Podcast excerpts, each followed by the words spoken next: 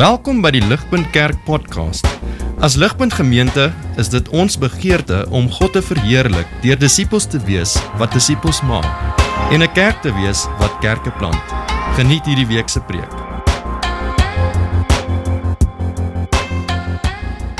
Ek wil begin deur 'n vinnige storie te vertel van ek en my pa in 2023. Dit sal kort wees want ek weet hy sal nie wil hê ek moet baie airtime spandeer op hom in 'n preek nie. Ek moes hierdie jaar my Toyota Corolla verkoop. Dit is die eerste keer in my lewe wat ek so iets moes doen, maar gelukkig was die kar nog steeds tegnies op my pa se naam en so hy was saam met my in hierdie ding gewees. Ek het my karretjie We Buy Cars toe gevat en hulle het 'n redelike goeie prys vir my aangebied. Maar toe maak ek 'n ernstige bargaining blunder. Nee, want ek sê okay, great. We Buy Cars het my goeie aanbod gegee. Kom ek gaan nou nou We Buy Motors toe en kyk of hulle 'n beter prys vir my kan aanbied. Maar toe sê ek vir hulle wat We Buy Cars vir my sou gee. Dit is is 'n blunder, julle. Net so verloor ek al my bargaining krag want hulle hoef hulle kan net dit match. Hulle hoef nie vir my meer te gee as We Buy Cars nie. Ah en my pa skud sy kop. Hy sê vir my Stefan, die eerste reël van karre verkoop, die ou wat eerste die prys op die tafel sit, verloor altyd. En ek sê ja, jammer pa, ek voel so sleg. Ek ek berou. Ek het die bargaining power by die drein afgegooi. Wat moet ek doen?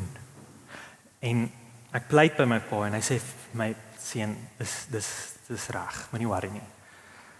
Leer nou uit jou foute uit en as die ou kom, laat ek met hom bargain. En ek sê ja, natuurlik. Ek ek kan nie bargain nie. Ek weet glad nie om dit te doen nie. Jy het duidelik meer ervaring, so ek gee dit vir my pa oor. Kom ons kyk hoe dit gedoen word. Kom ek leer by die meester. Die man van die maatskappy kom toe en hy vra vir ons oor die wat soek julle vir die Toyota Corolla. En daar maak my pa die eerste move en hy sit 'n prys op die tafel neer. Violation van reël nommer 1. En as 'n oomblik van stilte en die ou sê nee, is te veel. Ek ek kan nie dit doen nie.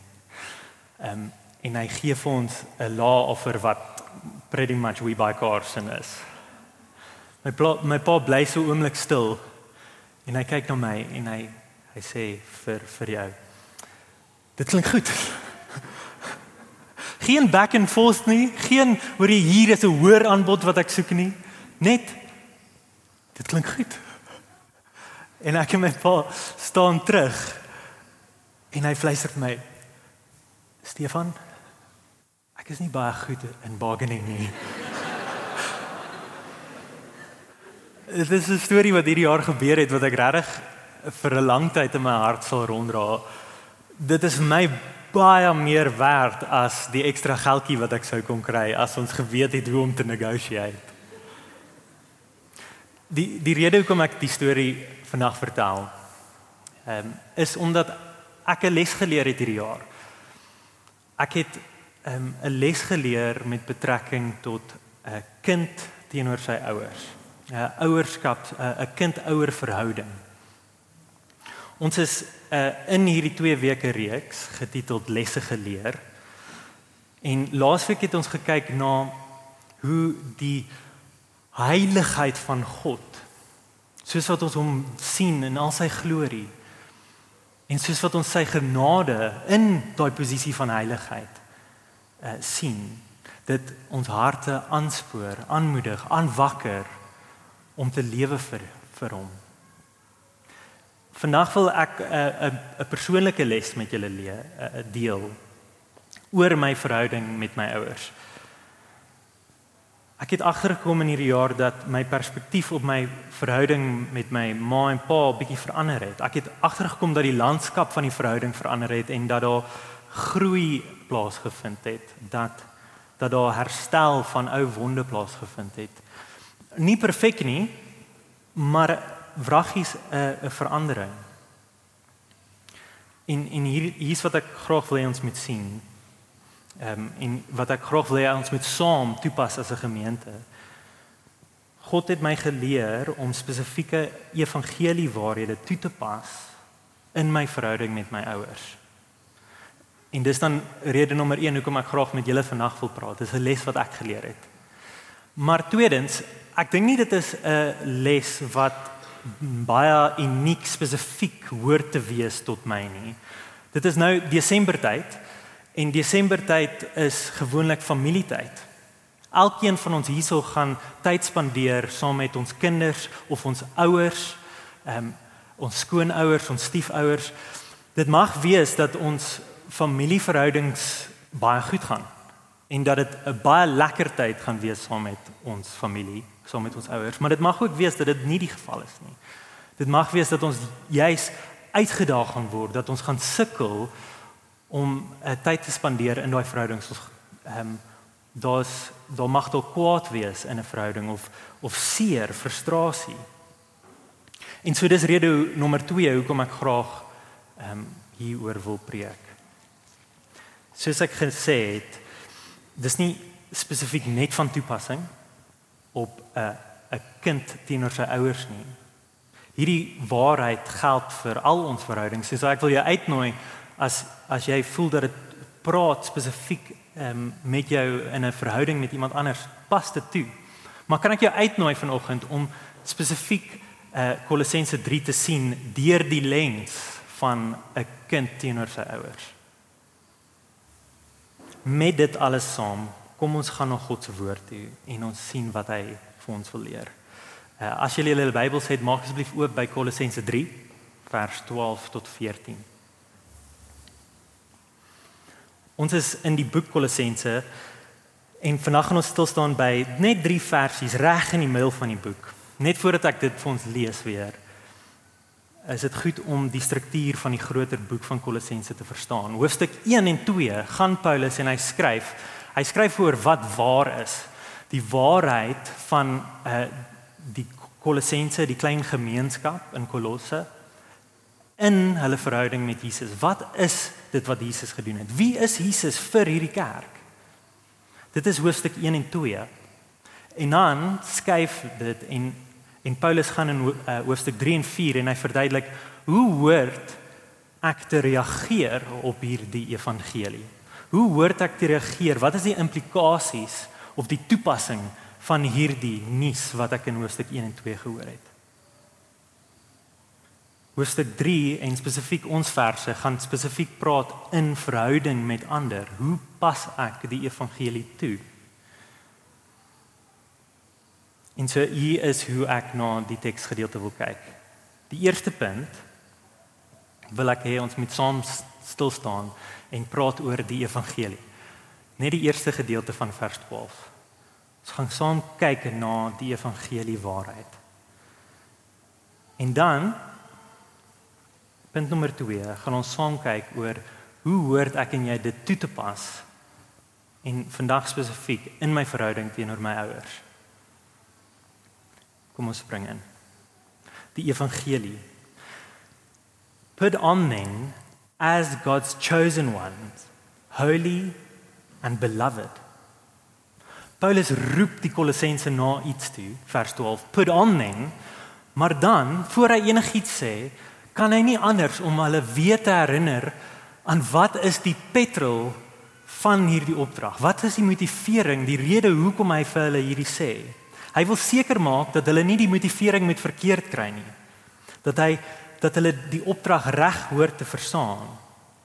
Hy is so besorg dat die die, die Kolossense nie die verkeerde indruk kry en dat hulle hoor, hoor die hoofstuk 1 en 2 was so wonderlik, dit het gegaan oor Jesus.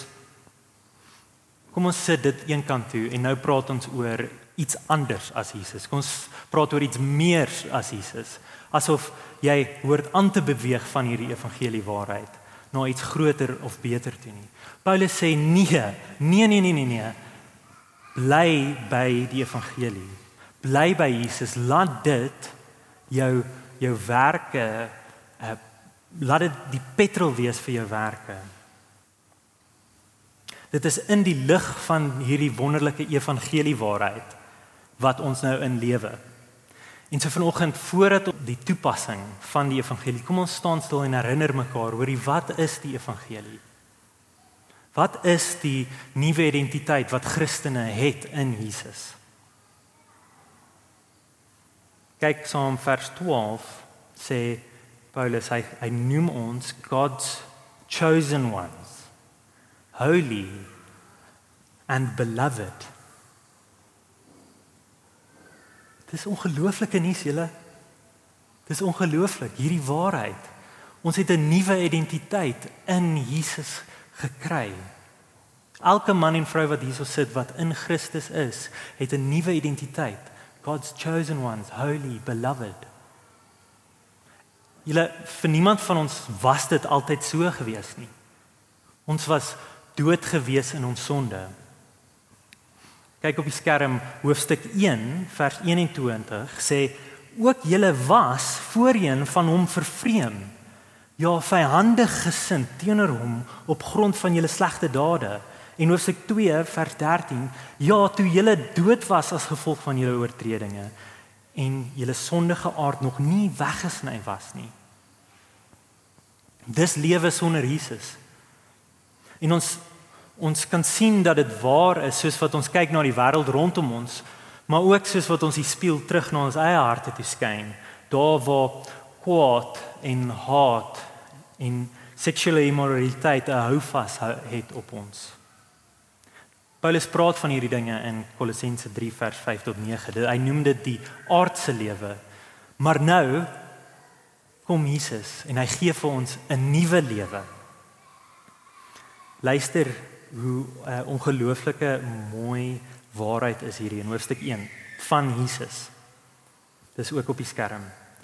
Jesus is die uh, Jesus die seun is die beeld van die onsigbare God.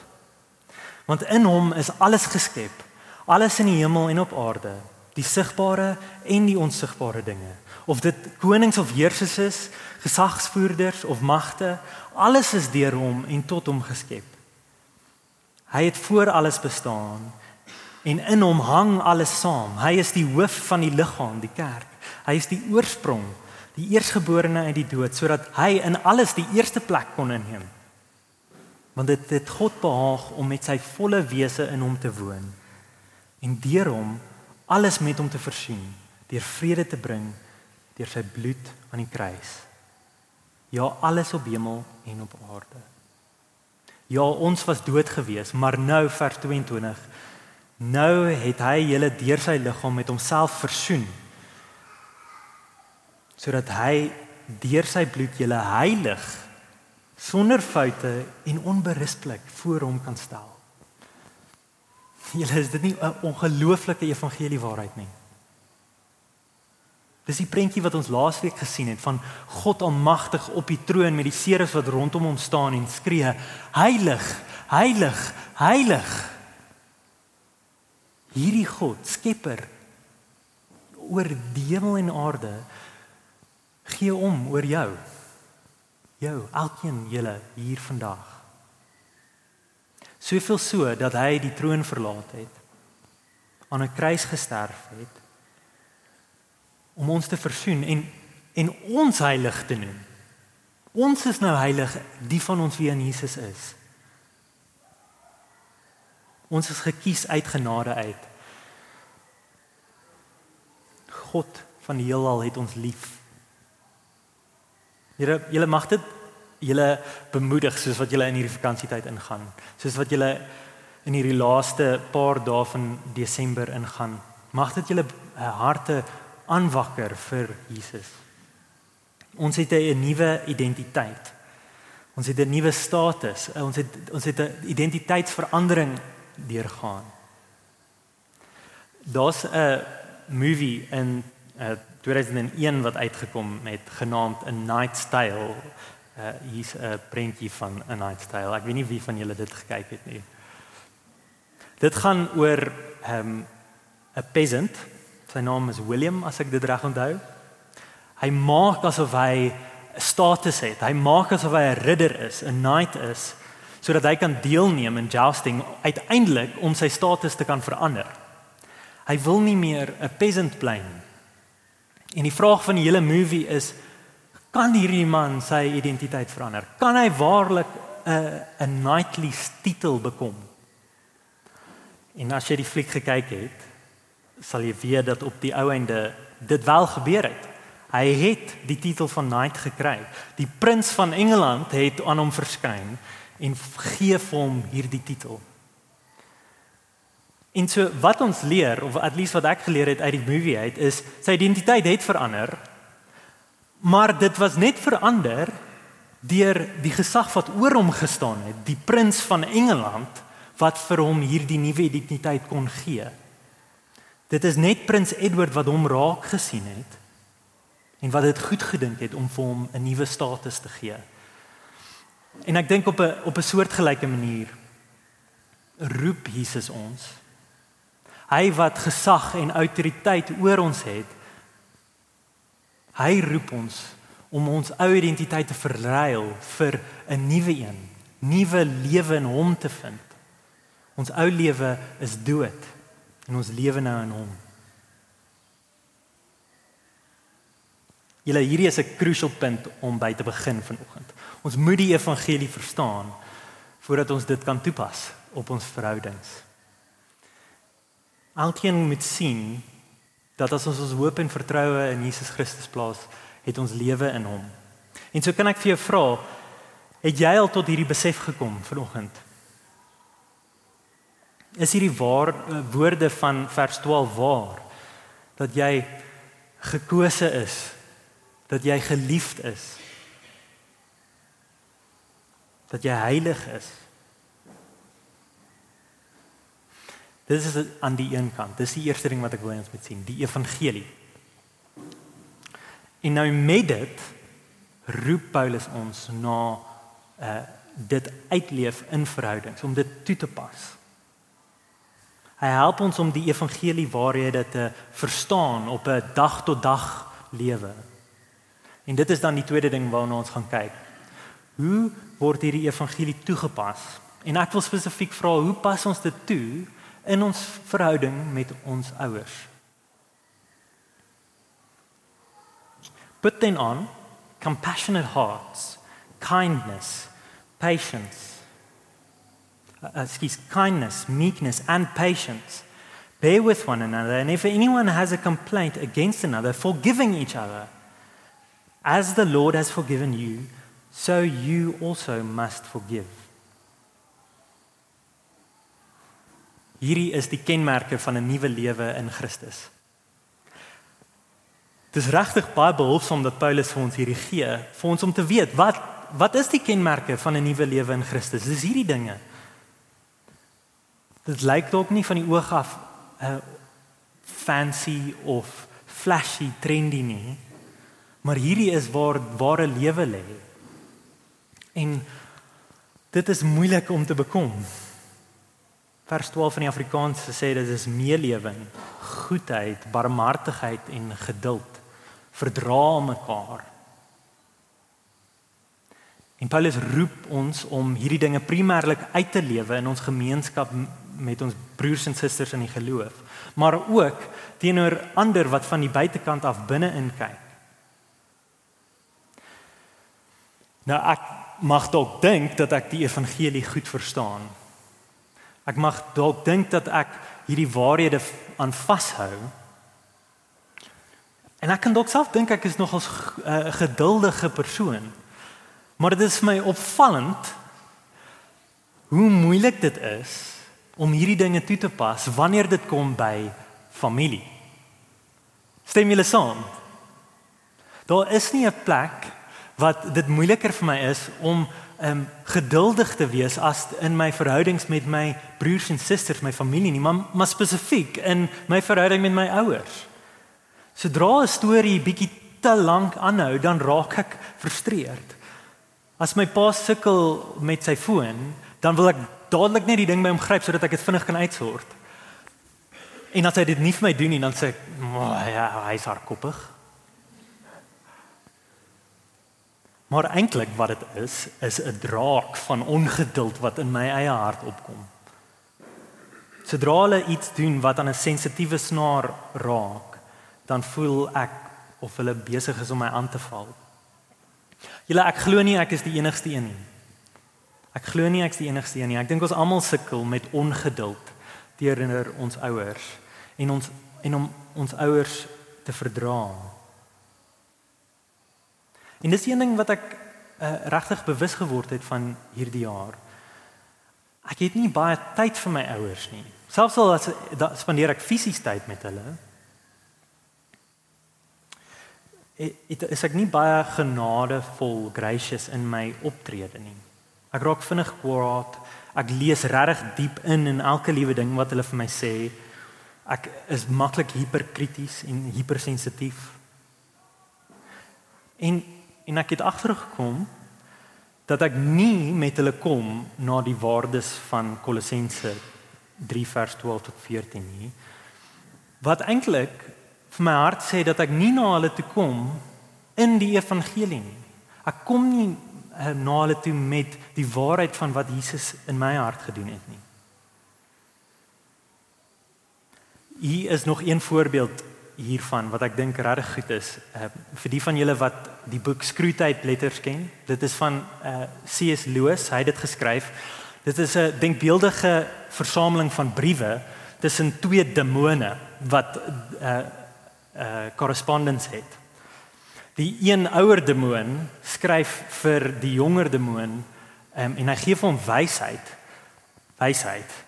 Hoe om chaos te saai in die wêreld.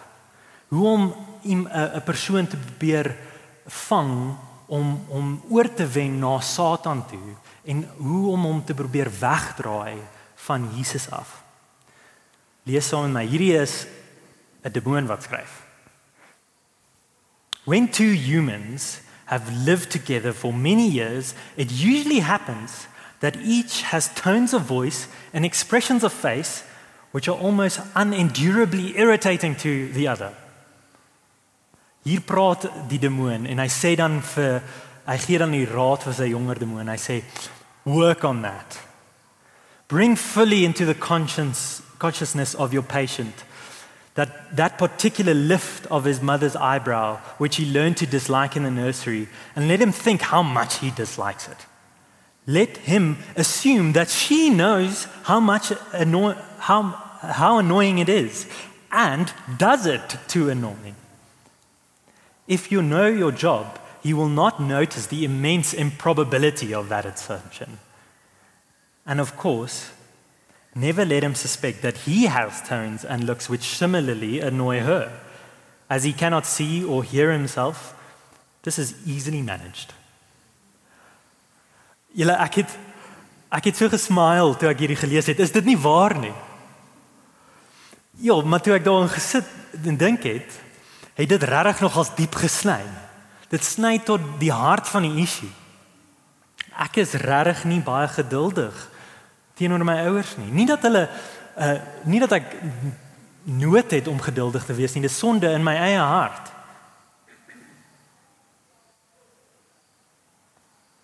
Dalk nader aan die hart van die probleem is dat 'n ouer-kind verhouding nie altyd 'n een eenvoudige ding is nie. Dis nie altyd 'n een eenvoudige dinamiek nie. Dit mag wees dat as jy aan jou ouers dink, dan voel jy hulle het 'n slegte job gedoen as ouers of jy voel hulle het verkeerd opgetree teenoor jou. Elkeen van ons het op een of ander vlak bagasie wat ons ronddra in ons verhouding met ons ma en pa. Nog te meer as hulle afwesig was. En soos ons dit ronddra, is dit maklik dat dit verander in kwaad of bitterheid in ons harte teenoor hulle wat regtig moeilik is om te oorkom. Maar dis juist wat Paulus ons na toe roep vandag. Vers 13 sê bear with one another and if anyone has a complaint against another forgiving each other as the Lord has forgiven you so you also must forgive. Dit is makliker gesê as gedaan, julle. En en ek ken nie jou situasie nie. Ek weet nie wat dit is tussen jou en jou ouers nie. Maar dit is duidelik van Kolossense wat ons as mense met nuwe identiteit geroep word na. Ons word geroep om in die voetspore van Jesus te trap. As the Lord has forgiven you, so you also must forgive. En so kan ek jou aanspoor in hierdie Desember tyd. Kan jy dit 'n gou gee? Kan ek jou aanspoor om tyd te maak vir jou ouers? Of die ouer figuur in jou lewe? Hanteer hulle met genade. En en dit geld natuurlik nie net vir jou ouers nie. Ons word geroep om as 'n nuwe gemeenskap te lewe. En in hierdie nuwe gemeenskap met almal so op te tree. Eerstens teenoor ons medegelowiges, maar so ook vir mense wat van die buitekant af inkyk. Maar, maar, maar moet nie wegstap van die kruis af nie. Dit is moeilik om um, in liefde in 'n liefdevolle verhouding in te tree. Maar dit is juis wat God ons na toe roep. Dis juis waar hy in jou hart wil werk. God weet dit is moeilik. Jesus het simpatie met jou. In dit roep hy om in daai moeilike verhouding in te tree, om jou ouers lief te hê. Spesifiek hoe dit lyk vir jou, kan ek nie van voor af hier sê nie. Dis is 'n pad wat die Here stap saam met jou. En en vir ons almal kan ek ons almal uitnooi. Sit met die Here. Hy is met jou in die verhouding. Moet nie sê, hoorie, hy gaan meer geduldig wees. Gaan nie werk nie. Dit is 'n werk wat hy doen in ons lewens. So bid en vra dat hy ons mense sal wees wat gekenmerk word deur hierdie waarhede en weet dat hy dit wil doen. Hy begeer om ons te reinig.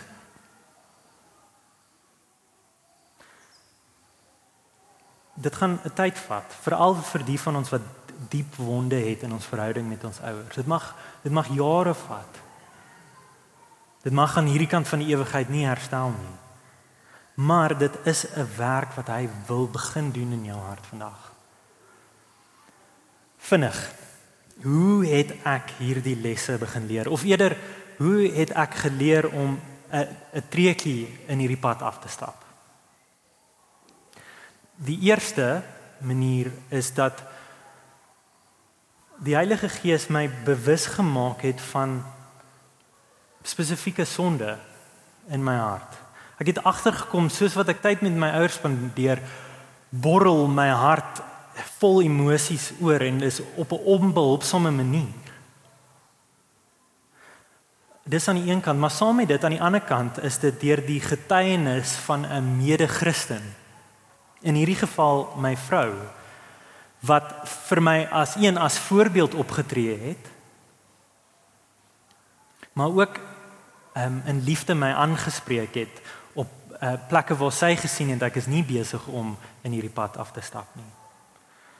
My my vrou was vir my 'n beeld gewees van hoe dit lyk om in verdraagsaamheid en geduld met mense te lewe, spesifiek omdat sy in hierdie verhouding ingestap het met baie baie liefde. En so ook het my ouers. My ouers is wonderlik. Ek is baie lief vir hulle. Hulle hulle het net so die verhouding met my vrou um approach om te sê hoorie, ek wil liefde betoon aan hierdie persoon.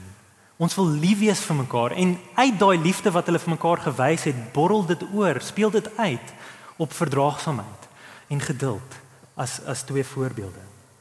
Julle dit is immers hoe Paulus hierdie waardes opsom in die laaste vers van ons gedeelte, uh, hoofstuk 3 vers 14. Dit sê above all these put on love which binds everything together in perfect harmony om in liefde met mekaar op te tree is is 'n is 'n prentjie van die evangelie. Deur dit het God in my hart begin werk. En so hier's die laaste ding en ek sluit hiermee af. Ek het in die laaste jaar ook diep bewus geword dat my tyd met my ouers nie vir altyd gaan duur nie. Ek gaan hulle nie altyd in my lewe hê nie. Dis 'n kosbare en tydelike verhouding wat ons het met ons ouers hier op aarde. En en dit speel nogals in in my verhouding met hulle en hoe ek ehm um, hulle hanteer. Hoe ek teenoor hulle optree. Uiteindelik gaan al ons verhoudings aan hierdie kant van die ewigheid vergaan. My beste pel, my broer, my vrou, my kinders.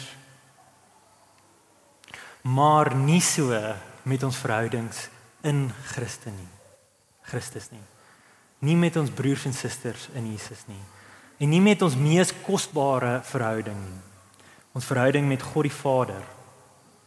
God wat in die hemel is, wat ons kan pa. Hoekom? Want ek en jy is vers 12 God se gekose mense. Ons is heilig. Ons is geliefd. En wanneer Jesus eendag terugkom, gaan ons uiteindelik ons lewe vind in hom. Dit is wat Kolossense 3 vers 1 vir ons sê en ek sluit hiermee af. Om dit net vir ons te lees. For you have died and your life is hidden with Christ in God. When Christ who is your life appears, then you will also appear with him in glory. Amen. Kom ek bid vir ons. Ons Hemelse Vader, ons wil vir dankie sê vir vanoggend. Dankie opnuut weer vir die herinnering van die evangelie waarheid. Here vir wie Jesus is. Sommige net in die laaste 2 weke soos wat ons dink aan u heiligheid en die krag en die almag. Here dat u dit goed gedink het om ons raak te sien en 'n pad met ons te kom stap. Here, dankie vir Jesus, u seun wat u gestuur het. Wat aan 'n kruis vir ons gesterf het. Here, ek wil vir u dankie sê vir ons ouers. Elkeen van ons wat hierso sit, is 'n kind van iemand. Dankie vir die lewe wat u vir ons gegee het deur hulle. Here, sal u asseblief in hierdie volgende tyd soos wat ons in die vakansie ingaan werk in ons harte. Here sal jy asseblief help ons die evangelie toepas in ons verhoudings met um, met ander, met die mense rondom ons. Here veral in ons verhouding met ons ouers. Here dat ons um, in liefde hulle sal eer. Here help ons met geduld hierdie vakansie. Here help ons om in hierdie tyd te werk aan vergifnis om mense te vergewe in ons harte, Here. En soos wat ons dit doen, Here, sal jy asseblief ons help om nie uh dit uit ons eie krag uit te probeer doen, Here. Maar dat ons ons sal stop soos wat ons sien ons kry dit nie reg nie. Dat ons sal dra bron van lewe. En dat ons sal vergewe omdat ons eerste vergewe is. Here, dankie dat ons hierdie dinge kan bid. Ek doen dit in die Here Jesus se naam. Amen. Vir meer inligting oor Ligpunt Kerk, besoek gerus ons webwerf op www.ligpunt.com of kontak ons gerus by info@ligpunt.com